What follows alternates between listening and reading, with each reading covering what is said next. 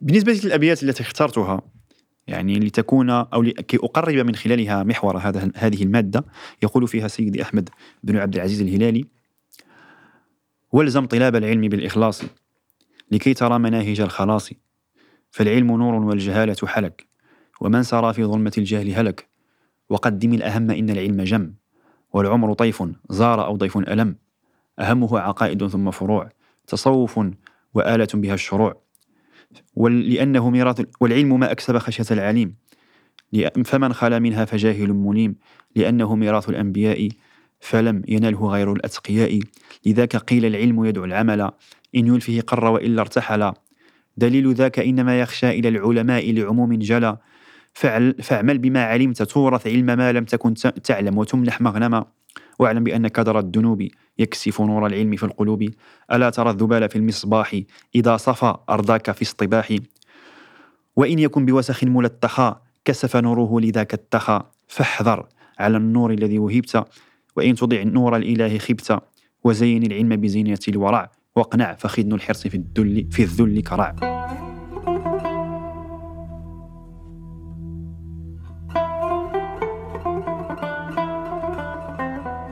الحمد لله المانح المتمم المتفضل المكرم. هذا بودكاست الطواسين وأنا معكم محمد بن إدريس العالمي من إذاعة فورتوك تحضرني في الابتداء, في الابتداء حكمة لسيدي بن عطاء الله السكندري قدس الله سره يقول فيها من أشرقت بدايته أشرقت نهايته. وحقيقة الإشراق الأول أنه انعكاس لنور الاحتراق. فنقول من لم تكن له بداية محرقة لم تكن له نهاية مشرقة. إذ إن مكابدة الأشواق التي يرغب بها الإنسان لا بد فيها من عذاب وعذوبة. وصدق القائل حين يقول عذابي فيك عذب وراحة لأنك حقا منتهى أملي. وحقيقة المكابدة أنها تتخذ من رحم المعاناة طريقا للارتقاء. فدون تعب لا يجيء أرب. ومن لم يتعب قدميه فلن تقدمه أو ترفعه. وقد قيل أتعب قدماك فإن تعب قدماك. إذ إن الاستسلام لجنب الراحة والركون إلى الدعة والكسل موجب للحرمان. ومن لزم الرقاد حرم المراد وكم حسرات في بطون المقابر. حالنا في هذه المادة أن نعرف بعلم من الأعلام وهو سيدي أحمد بن عبد العزيز الهلالي رحمه الله في تكثيف واختصار شديد. ثم نقف بعد ذلك على نظمه المسمى بالنصيحة الهلالية. في بعض أبياتها المتعلقة بالعلم وطلبه. فنلقي, فنلقي ببعض الإشارات ونلفت النظر لحقيقة السعي والطلب وقد يتساءل المشاهد ما سر هذا الاختيار؟ فأقول إن الدعوة إلى مكابدة الطلب تحتاج إلى قدوة إلى قدوة ونموذج وهذه القدوة لا بد أن تكون ممثلة في معاني وأسرار تكون في المتناول. فعلمنا مشهور عند أهل العلم بالصلاح والولاية. كيف لا ونظمه لأسماء الله الحسنى أشهر من نار على علم. يحفظ ويقرأ في كل دور التعليم العتيق لبركته وأنواره. يحفظه الطلبة ويرتوون منه. يقول سيدي أحمد بن عبد العزيز الهلالي في بعض أبياته في, في بعض أبيات النظم من مطلعه أه بدأت ببسم الله في أول السطر فأسماؤه حصن منوع من الضر وصليت في الثاني على خير خلقه محمد المحمود في الموقف الحشر. عليه صلاة الله ثم سلامه بلا منتهى بلا منتهى والآل مع صحبه الغر. إذا نابني خطم إذا نابني خطب وضاق به صدري تلافاه لطف الله من حيث لا أدري ولا سيما إذ جئته متوسلا بأسمائه الحسنى المعظمة القدر. فيا الله يا رحمن إني لذو فقري. وأنت رحيم مالك الخلق والأمر. إلى غيرها من الأبيات يسترسل في الدعاء بأسماء الله الحسنى. ونتذكر قول الرسول الله صلى الله عليه وسلم من أحصاها أي أحصى هذه الأسماء آه، دعاء ونداء دخل الجنة. ثم إن هذه المعاني الممثلة المفصحة عن الطلب وشروطه والتي اخترتها من نظمه المسمى بالنصيحة الهلالية والتي سآتي على ذكرها لاحقا حاوت وجمعت كل ما يهم الطلبة وأحواله خصوصا ما قبله وبعده أي سر التزكية. وطريق السلوك الذي يجب على كل نفس في ميدانها إذ ميدان السلوك النفس. وهذا هو سر اختيارنا أن نذكر بأحوال الأخذ وشروطه ممتزجا بالتربية. اقرأ باسم ربك الذي خلق. نعم. اقرأ باسم ربك أي اقرأ لتتربى. فهي قراءة مسددة ومؤيدة تتوخى الارتقاء بك. وهذا الارتقاء لو تأ... وهذه القراءة لو تأملنا نظمها في سورة العلق سنجدها مرتبطة بالتربية وبالكرامة أيضا. حتى قال أهل العلم اقرأ لتتربى واقرأ لتكرم. فلا كرامة بدون تربية ولا تربية بدون كرامة فالقراءة باب للمعرفة والمعرفة مدخل للكرامة. فما فمما درج عليه العلماء الربانيون في الحواضر والبوادي وهم يتدرجون مع طلبته العلم أن يحرصوا بالغ الحرص على موازاة منح العلم للطلاب مع الأدب فهو ملحه وإدامه. فإذا كان العلم يرفعك في الناس فالأدب يعلمك التواضع للناس. والعلم إذا لم يفتح لك بابا على المعرفة لتسير من خلالها إلى الله كيفما كان نوع هذا العلم؟ ولو في العلوم الجافة التي تقصي القلب أحيانا وتبعده عن, عن دائرة الإيمان. بل لقد استخرج بين قوسين هذه بل لقد استخرج العارفون أسرارا ونفحات من علوم قد نقول عنها أنها علوم جافة كعلوم الآلة. فمثلا نجد سيدي ابن عجيب رحمه الله آه، شرح شرحا إشاريا على على متن الأجرومية في في النحو. قلت إذا لم يفتح لك العلم بابا على المعرفة المعرفة لتسير من خلالها إلى الله عز وجل فالجهل أسلم لك من علم لم يعرفك بربك لأن العلم حينئذ سيكون حجة عليك لا لك ولنا في سيرة الإمام أبي حامد الغزالي إشارات عميقة. ويمكن أن ألخص المستفاد بقول شيخنا سيد المصطفى البحياوي رضي الله عنه لا علم من غير تعلق ولا تعلق بدون تخلق. رباك جسدا فخلقك من علق ويريد تربيتك روحا بالعلم والحلم فأوحى الذي إليك الذي أوحى. فسياحتنا إذا في هذه المادة تدندن حول العلم وأهله تعريفا بعلم ووقوفا على أبيات من نظمه. نطوف تذكيرا في مناقب بمناقبه في الأول ثم نحوم شرحا بسيطا لهذه الأبيات أو لهذه المعلقات في باب الأدب والعلم ونقدم إثرها إشارات ولفتات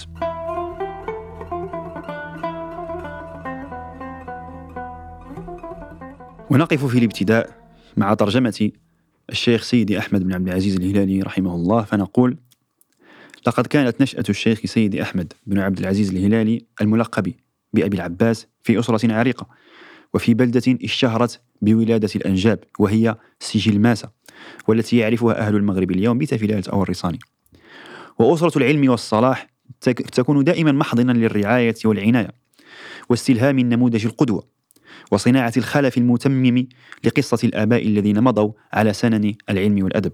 وكذلك كان سيدي أحمد بن عبد العزيز الهلالي من خلال معرفته وعرفه.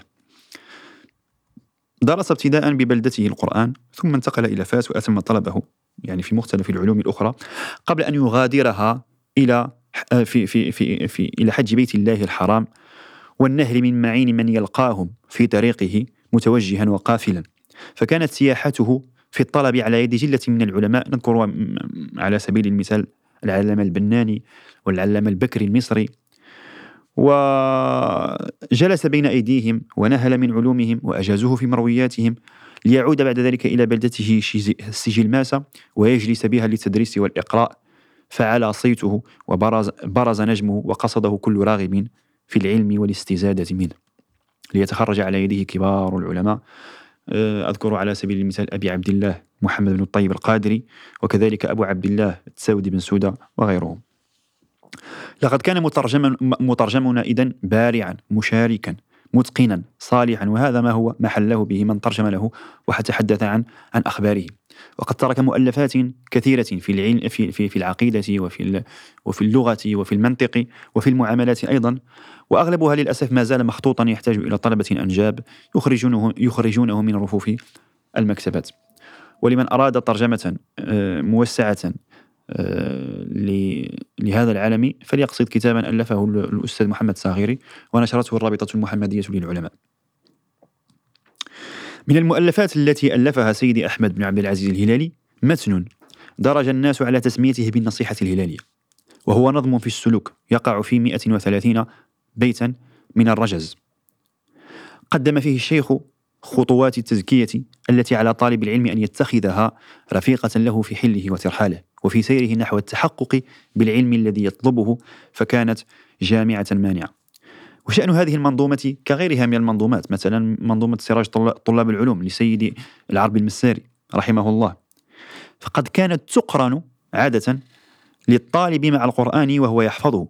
فيكتب له الفقيه المدرر بيتا أو بيتين أسفل اللوح يحفظهما بعد أن يتم حفظ عهد يومه من القرآن. وهذه المنظومة شرحها شرحا وافيا وجميلا جدا يقع في أكثر من 600 صفحة. آه، آه، العلامة سيدي عبد الصمد قنون الحسني والد سيدي عبد الله قنون صاحب النبوة.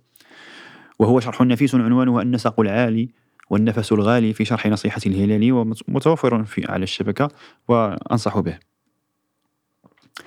بالنسبة للأبيات التي اخترتها يعني لتكون أو لكي أقرب من خلالها محور هذا هذه المادة يقول فيها سيدي أحمد بن عبد العزيز الهلالي والزم طلاب العلم بالإخلاص لكي ترى مناهج الخلاص فالعلم نور والجهالة حلك ومن سرى في ظلمة الجهل هلك وقدم الأهم إن العلم جم والعمر طيف زار أو ضيف ألم أهمه عقائد ثم فروع تصوف وآلة بها الشروع لأنه ميراث والعلم ما أكسب خشية العليم. فمن خلا منها فجاهل منيم لأنه ميراث الأنبياء فلم ينله غير الأتقياء. لذاك قيل العلم يدعو العمل. إن يلفه قر وإلا ارتحل دليل ذاك إنما يخشى إلى العلماء لعموم جلا. فاعمل بما علمت تورث علم ما لم تكن تعلم وتمنح مغنما. واعلم بأن كدر الذنوب. يكسف نور العلم في القلوب.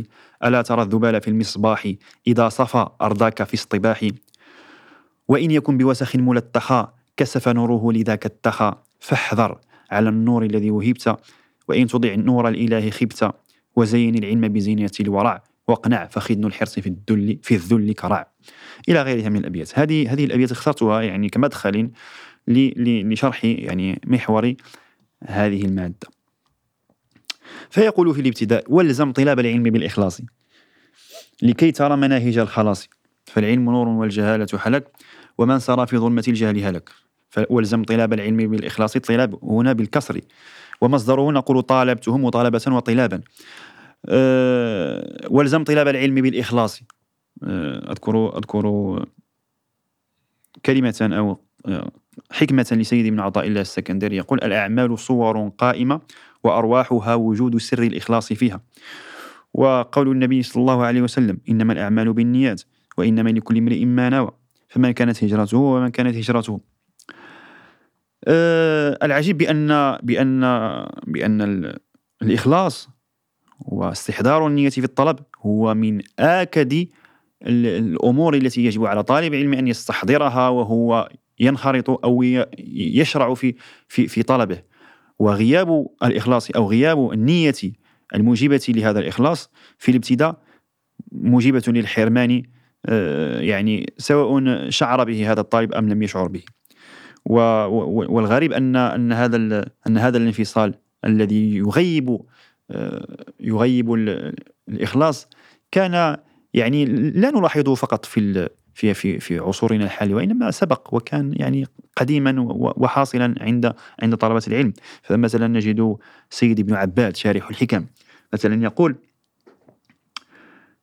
والغالب على طالب العلم في هذه الأعصار هذا الوصف المذموم يقصد غياب الإخلاص و و و وطلب العلم لأجل الدنيا ولأجل التميز على الناس. فيقول والغالب على طلبة العلم في هذه الأعصار هذا الوصف المذموم لأن حب الدنيا قد استولى عليهم واستهواهم والحرص على التقدم والترأس قد ملكهم فأصمهم وأعماهم ولذلك أمارات وعلامات لا تخطئ ولا تخفى. وطبعا نعلم أن الإخلاص على درجات وحتى أنه يصل إلى درجة يحتاج معها الإخلاص إلى إخلاص.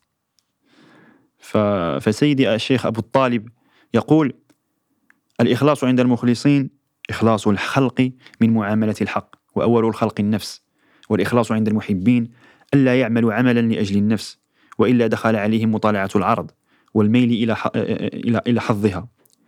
والإخلاص عند الموحدين خروج الخلق من النظر إليهم في الأفعال وعدم السكون والاستراحة إليهم في الأحوال. وطبعا أتذكر آه، وصية أوصى بها سيدي آه، بن مشيش لسيدي أبي الحسن الشاذلي يقول له آه، كن مع الحق بغير خلق ومع الخلق بغير نفس ومع نفسك بالمراقبة. فهذا هو جماع فإذا الإخلاص الذي لا يخلصك هذا هذا ليس بإخلاص فهو تخليص من أجل التخصيص. وألزم طلاب العلم بالإخلاص لكي ترى مناهج الخلاص فالإخلاص يؤدي بك إلى الخلاص. فالعلم نور والجهالة حلك ظلمة. ومن سار والسورة هو المشي بليل. سبحان الذي أسرى بعبده ليلا من المسجد الحرام والليل إذا يسري. ومن سار في ظلمة الجهل هلك فإذا كان العلم نور. وغيره من الطرق من الطرق حلك. فهل يستوي من يمشي في النور مع من يمشي في الظلمات؟ ولذلك درج آه، العلماء وهم يحفزون على الطلب على ذكر أبيات جميلة يعني ألقي عليك عليكم بعضها تشوق وتجذب. فمثلا يقولون العلم زين. وتشريف لصاحبه. وكل ذلك أتى بالنص في الكتب العلم زين. ونور يستضاء به. شتان ما بين كسب العلم والذهب. العلم يرفع أقواما بلا نسب. فكيف من كان ذا علم وذا نسب؟ العلم ينفع في الدارين, في الدارين صاحبه. والمال لا شك أن يلقيه أن يلقيه في التعب. ليس اليتيم الذي قد مات والده. إن اليتيم يتيم العلم والأدب. ويقول أحدهم العلم نور. وخير الناس طالبه والجاهلون لأهل العلم أعداء. يا طالب العلم لا تبغي به بدلا. الناس موتى وأهل العلم أحياء. الناس أرض وأهل العلم فوقهم نور يضيء. فهل في النور ظلماء؟ وهذا السعي في الطلب المخلص في الطلب يحتاج إلى اصطبار ومكابدة ومعاناة للظفر به ونيله. قيل لبعضهم بما أدركت ما أدركت؟ فقال بالمصباح والجلوس إلى الصباح. أو كما قال أحدهم بصبر كصبر الحمار وبكور كبكور الغراب. لأن الغراب معروف أنه أول, طائر يستيقظ. وفي بعض الحكم لا يدرك العلم من لا يطيل درسه ولا يكد نفسه ومن لزم الرقاد حرم المراد فاز بالضر غائصه وبالصيد قانصه. ومن يصطبر للعلم يظفر بنيله ومن يخطب الحسناء يصبر على البذل ومن لا يذل النفس في طلب العلا قليلا يعيش دهرا طويلا أخا ذلي فما, فما, فما يستفاد العلم دون مشقة ولا تجتنى الراحات من من الكد. خلوت بنفسي كي تتم سعادتي فأجني ثمار الفوز من من منن الحمد. وبالتالي العلم لا تعطيه إذا أعطيته بعضك لا يعطيك شيئا. ولكنك ولكنك يجب أن تعطيك أن تعطيه كلك حتى يعطيك بعضه. ثم يقول سيدي أحمد بن عبد العزيز الهلالي وقدم الأهم إن العلم جم والعمر طيف زار أو ضيف ألم. وقدم الأهم لا بد من تقديم المهم. آه الذي يريد أن يأخذ العلم جملة لا ينال منه شيئا. والعلم جم أي الكثير ويحبون المال حبا ويحبون المال حبا جما. وقدم الأهم إن العلم جم والعمر طيف والطيف ذلك الذي يتخيل للنائم فإذا انتبه لا يجد شيئا له حقيقة. ومثل الإنسان وعمره لأنه هنا يقول والعمر طيف يعني طيف زار الزائر لا يستقر فهو عابر. ومثل الإنسان وعمره مثل رجل يبيع الثلج في الصيف ينادي في الناس ويقول ارحموا من رأس, من رأس ماله يذوب؟ ثم يقول سيدي أحمد بن عبد العزيز الهلالي أهمه عقائد ثم فروع تصوف وآلة بها الشروع. فهنا يذكر يعني دابا خصوصا أننا نتحدث عن العلم الشرعي. هو هذا لا ينفي أن, أن نتحدث عن العلوم الأخرى لأنه لا بد من المداخل من المداخل إلى العلوم. لا يمكن أن أن تقفز إلى إلى النهاية. لا بد من كما كما جاء في في, في من شرح بعض حروف المقطعة في القرآن أو أو حروف النور. ألف لام ميم. هذه تفيد معنى التهجي كأن كأن القرآن يقول لك ادخل عليه بنية أنك فما ما زلت في الابتداء في الابتدائي ألف باء تاء من المعاني التي يعني قيلت إشاريا في في في معاني. كذلك في في في شأن العلوم. لا بد من التدرج فيها والدخول من الباب وقصد وقصد يعني التدرج وتحصيل التراكم حتى يكون بالفعل. طلب العلم ذا مقصد وذا معنى. ثم هكذا درج يعني علماء علماء الشريعة أن يبدأ الناس بالعقائد ثم الفروع يقصد الفقه هو ثم التصوف هو آلة بها الشروع. مع العلم بأن قصدنا في هذا في هذا في هذا في هذه المادة أن نذكر بأن علم التزكية أو قد نسميه تصوفا لا مشاحة في الاصطلاح يجب أن يصاحب طالب العلم منذ الابتداء أن يصاحبه إلى النهاية حتى يكون آه، الأدب حاضرا وحتى لا يصبح العلم لأغراض دنيوية فقط. وذكره للأهم هنا إشارة إلى أن الأولوية في الطلب من ركائز الظفر إذ لا يمكن أن نقبل على كل شيء دون منهج ولا نظام. وإلا ستكون طماعا ولن تحصل شيئا وحتى إذا حصلت فسيكون ما استقر في نفسك مجرد نتف. لن تزكيك ولن ترفعك. فمن رام تحص... إذا تحصيل كل, كل شيء لن يحصل على شيء. والطمع في تحصيل جميع العلم متعذر أو متعذر والتشوف للإحاطة بفنونه محال متعسر. ثم يستفيض شيء سيدي أحمد بن عبد العزيز الهليل في ذكر يعني الأبيات لأنه ميراث الأنبياء فلم ينله غير الأتقياء. لذاك قيل العلم يدعو العمل ارتباط العلم بالعمل. إن يلفه قر وإلا ارتحل وإلا آه، طار منك هذا هذا هذا العلم ولم ولم يعد له استقرار في نفسك. وثم يذكر بتأثير الذنوب على العلم وكيف أنه يشوش عليه شكوت إلى وكيع سوء حفظي فأرشدني إلى ترك المعاصي إلى غير ذلك. إلى غيرها من الأبيات. وبعد هذا الشرح الموجز يعني المكثف المختصر آه، نجد أن جواب هذه هذه الأبيات التي تلوتها عليكم آنفا في الأبيات التي بعدها. في ثلاث أبيات مهمة جدا تلخص يمكن أن تلخص يعني ما أريد أن أدندن حوله في هذه المادة. فيقول سيدي أحمد بن عبد العزيز الهلالي في ثلاثة أبيات واطلب شفاء قلبك المريض من قبل أن تغص بالجريض ولا تظن البرء من أدواك إلا بفطم النفس عن هواك. فاجهد أخي واجتهد وجاهد عسى بفضل الله أن تشاهد واستنجدا مولاك في جميع ما ترومه فلن يزال منعما. فما به تطلبه تيسر وما بنفسك فقد تعسر فنعود إلى النقطة الأولى وهي أن ميدان السلوك أو ميدان التزكية هو النفس. فإذا كانت نفسك يعني أنت يعني المتحكم في زمامها وفي خطمها فستنقاد لك ذليل ذلول يعني مذللة وستحصل ما تريد أن تحصله وأنت في غاية الإخلاص حتى تتخلص.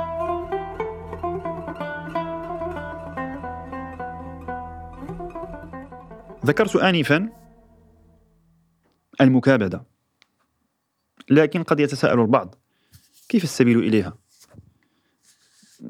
أتذكر في في في هذا الصدد راجزا صغيرا آه، لسيدي مصطفى البحيوي يقول فيه آه، شروط العلم أربعة فأولها التهمم له ثم عزم ثم حزم ثم أخذكه عن الحملة شروط العلم أربعة فأولها التهمم له ثم عزم ثم حزم ثم أخذكه عن الحملة كأنه منهج لطالب العلم كيف يسلك. فالتهمم من الهمة والرغبة في العلم ثم إن الرغبة دون عزم لا يأتي منها شيء تبقى سراب ومحض أوهام. وبعد العزم أو عند العزم لا بد من الحزم وحمل النفس على الشدائد والصبر على التحصيل. أه سيدي زروق الفاسي أه صاحب الشروح على على على الحكم إلى غيره أه يقول شرائط العلم أربعة أو آلات العلم أربعة شيخ فتاح وعقل رجاح ومداومة وإلحاح وكتب صحاح. وسيدنا الشافعي يقول لا يطلب العلم أحد بالملك والعز فيفلح. ولكن من طلبه بذل النفس وضيق العيش وخدمة العلماء أفلح. ولذلك حين ننظر في سير من سبق نجد أن المساجد كانت بيوتهم وأساطينها تكاياهم وبواريها فرشهم نبذوا الدنيا بأسرها وجعلوها وراءهم وجعلوا غذاءهم الكتابة وسمرهم المعارضة واسترواحهم المذاكرة وخلقهم المداد واصطلاءهم الضياء وتوسدهم بالحصى. وتوسدهم بالحصى. حتى أن سيدنا الشافعي رضي الله عنه قيل له مرة كيف يطلب ليس لم تكن له دابة يعني تقل تقله. فقالوا له كيف يطلب العلم من له دابة؟ من ليس له دابة دابة تقله؟ فسمع منه فاشترى حمارا يركبه. فصار يقوده ويحتاج له أن يوفر الغذاء ويربطه إلى غير ذلك. فألهاه ذلك عن الدرس والسبق إلى الصفوف الأولى. فقال كيف يطلب يطلب العلم من عنده حمار؟ أو من له دابة. حتى أن الخطيب البغدادي ذكر بأنه يستحب لطالب العلم الطالب العلمي أن يكون عزبا. ما أمكن لئلا تشغله تشغله حقوق الزوجية يعني عن الطلب لأن الاهتمام بأمر المعاش يلهي. وقيل لبعض الحكماء مات عدوك فقال لهم وددت لو قلتم تزوج. لأن الزواج يفصل المرأة عن. حتى أن بعضهم بمجرد أن قالت له بنته لم يعد لنا طحين نسي قال نسيت عشرين حديثا بسبب هذه الجملة. ثم يقول سيدي المصطفى ثم أخذوكه عن الحملة. وهنا ذكر لعلاقة الشيخ مع طالبه. وفي علاقة الطالب بالشيخ آداب وجملة آداب يجب مراعاتها. وكذلك هناك نظم سماه الشيخ بالتكملة المتوسلة. في يذكر فيه يعني بعض الآداب التي يجب على الطالب أن ينتبه إليها و و ويلتزم بها وهي أبيات رجزية يقول فيها لا تد لا تضجرنه من الضجر بسؤال معنت والصوت غض إن تكن بالحضرة بكر تقدم تيقظ وبرك وبرك أسغ وقيد بالكتاب واتركي تلف واترك. تلفتا وما يثير. هنا تتم واترك تلفتا وما يثير وانشرح لقوله لا تعترض لا تقترح إلى غيرها من من الأبيات. ومجمل هذه الآداب تندرج في حسن التقرب منهم لغاية التشوف لعلمهم والقبس من سمتهم. فبخدمة الأشياخ يفلح المريدون. وإذا كان الذي علمك ورباك واختصر عليك المسافات وقرب إليك الفنون ودلك على مداخلها وفتح لك الأبواب بلمحاته وإشاراته بل وآواك وعطف عليك. أفلا يكون حقيقا بهذا اللون من ألوان الخدمة التي يراها بعض المتنقصة؟ مع كامل الأسف عبودية و و وذلة معاذ الله فما وصل؟ من وصل إلا بالتفاني في الالتزام بهذه الآداب ربما هنا أقدم إشارة قد تكون قاسية على البعض وإنما يجب أن نستمع. قد يسأل سائل. صعب جدا أن نجد شيخا يجمع بين العلم والأدب في زمننا هذا لأن لابد لأن لابد من من من, من أن يقصد طالب العلم الشيخ الذي يجمع له هذه الثنائية. العلم والأدب. حتى يعني يعينه على, على هذه المسيرة. لكن قد يقول البعض أين أين سنجد هذا الشيوخ هذه هؤلاء الشيوخ؟ خصوصا اليوم مع التعليم عن بعد والمدارس الإلكترونية التي تعلم العلم الشرعي في في كبسولات للأسف. قد يس... قد يس... يمكن أن أن أن يعني أن نرحب بهذا. لما لا؟ لأنه في زمن الانعدام الكلي لا بد من من تلك الشموع التي تضيء. لكن يجب أن تسدد. قد يسأل سائل وألا تكون هي الأصل. قد يسأل سائل صعب جدا أن نجد شيخا يجمع بين العلم والأدب. في زماننا هذا وإنما نحن نتعلم العلم ولا شأن لنا بالأدب. نتشبت بما صفى ونتدارك بالعفو ما كدر. إن كان فيه من دخن. ثم لماذا نلتزم أصلا بالأخذ عن الشيوخ وسلوك سبل الأوائل؟ وقد انقلب الزمان وملايين وملايين وملايين الأساتذة الافتراضيين بنقرة زر وفي علوم مختلفة وكتب في كل مكان ودورات مكثفة مكثفة عن بعد وبواسطة.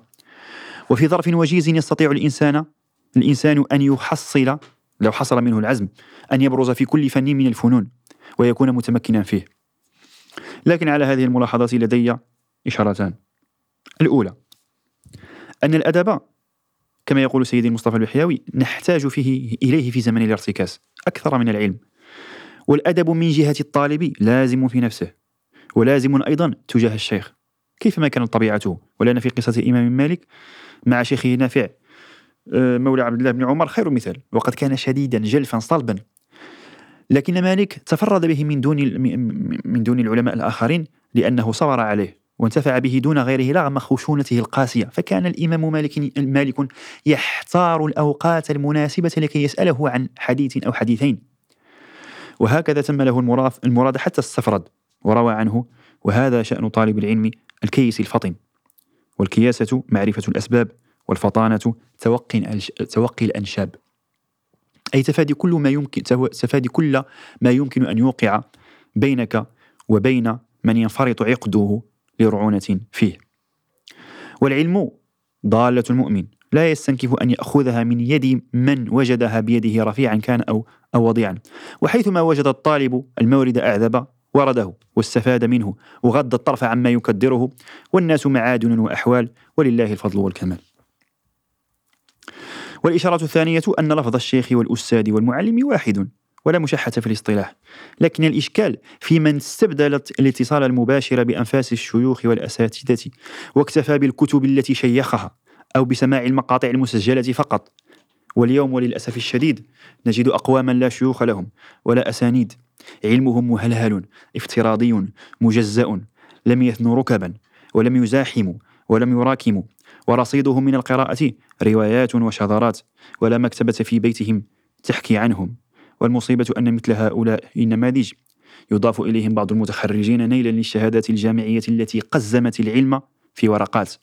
واعتقدوا بأن العلم وقف عند آه، آه، يعني، آه، وقف عند باب ما قدم لهم.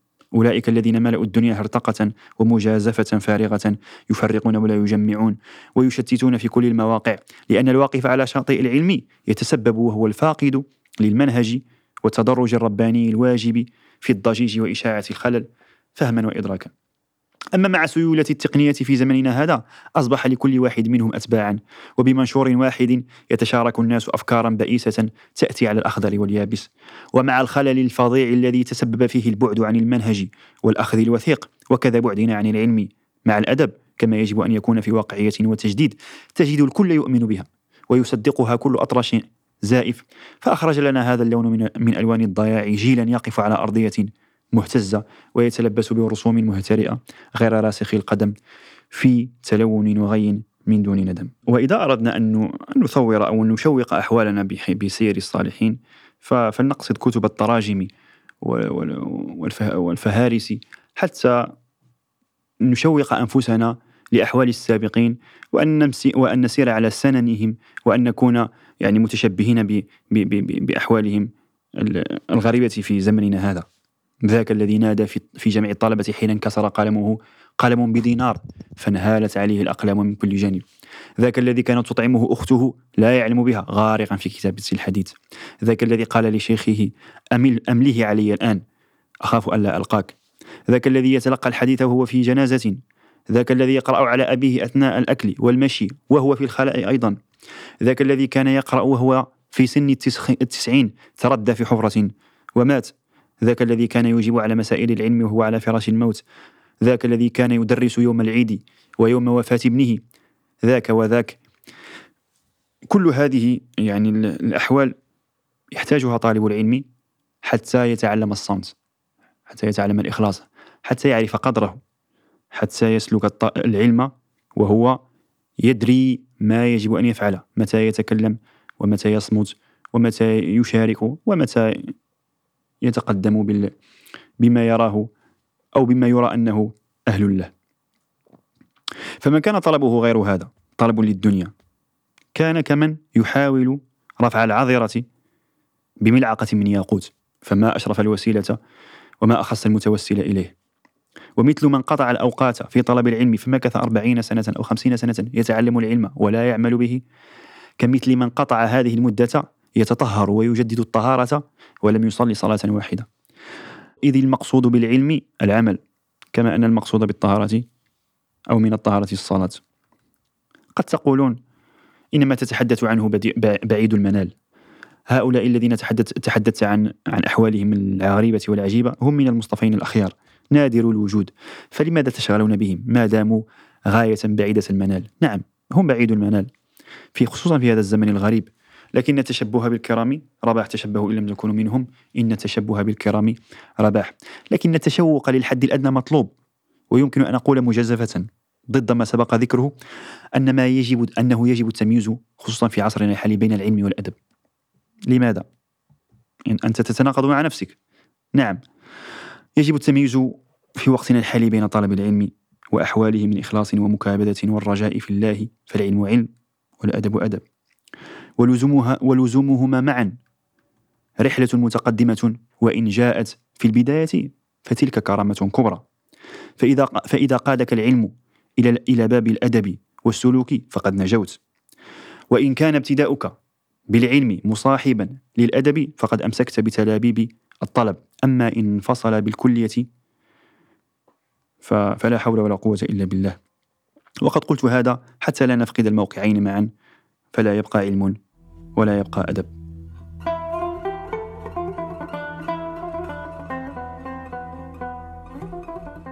كان هذا تطواف على عجل نقارب فيه العلم والأدب والحديث بحر ومستفيض مداخله متعددة وغير حاسمة لكنه تذكير وتنبيه وتحفيز في أفق المزيد إن شاء الله تعالى.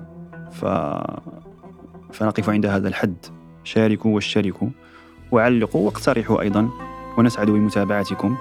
وصلى الله وسلم على سيدنا محمد وآله وصحبه والحمد لله رب العالمين.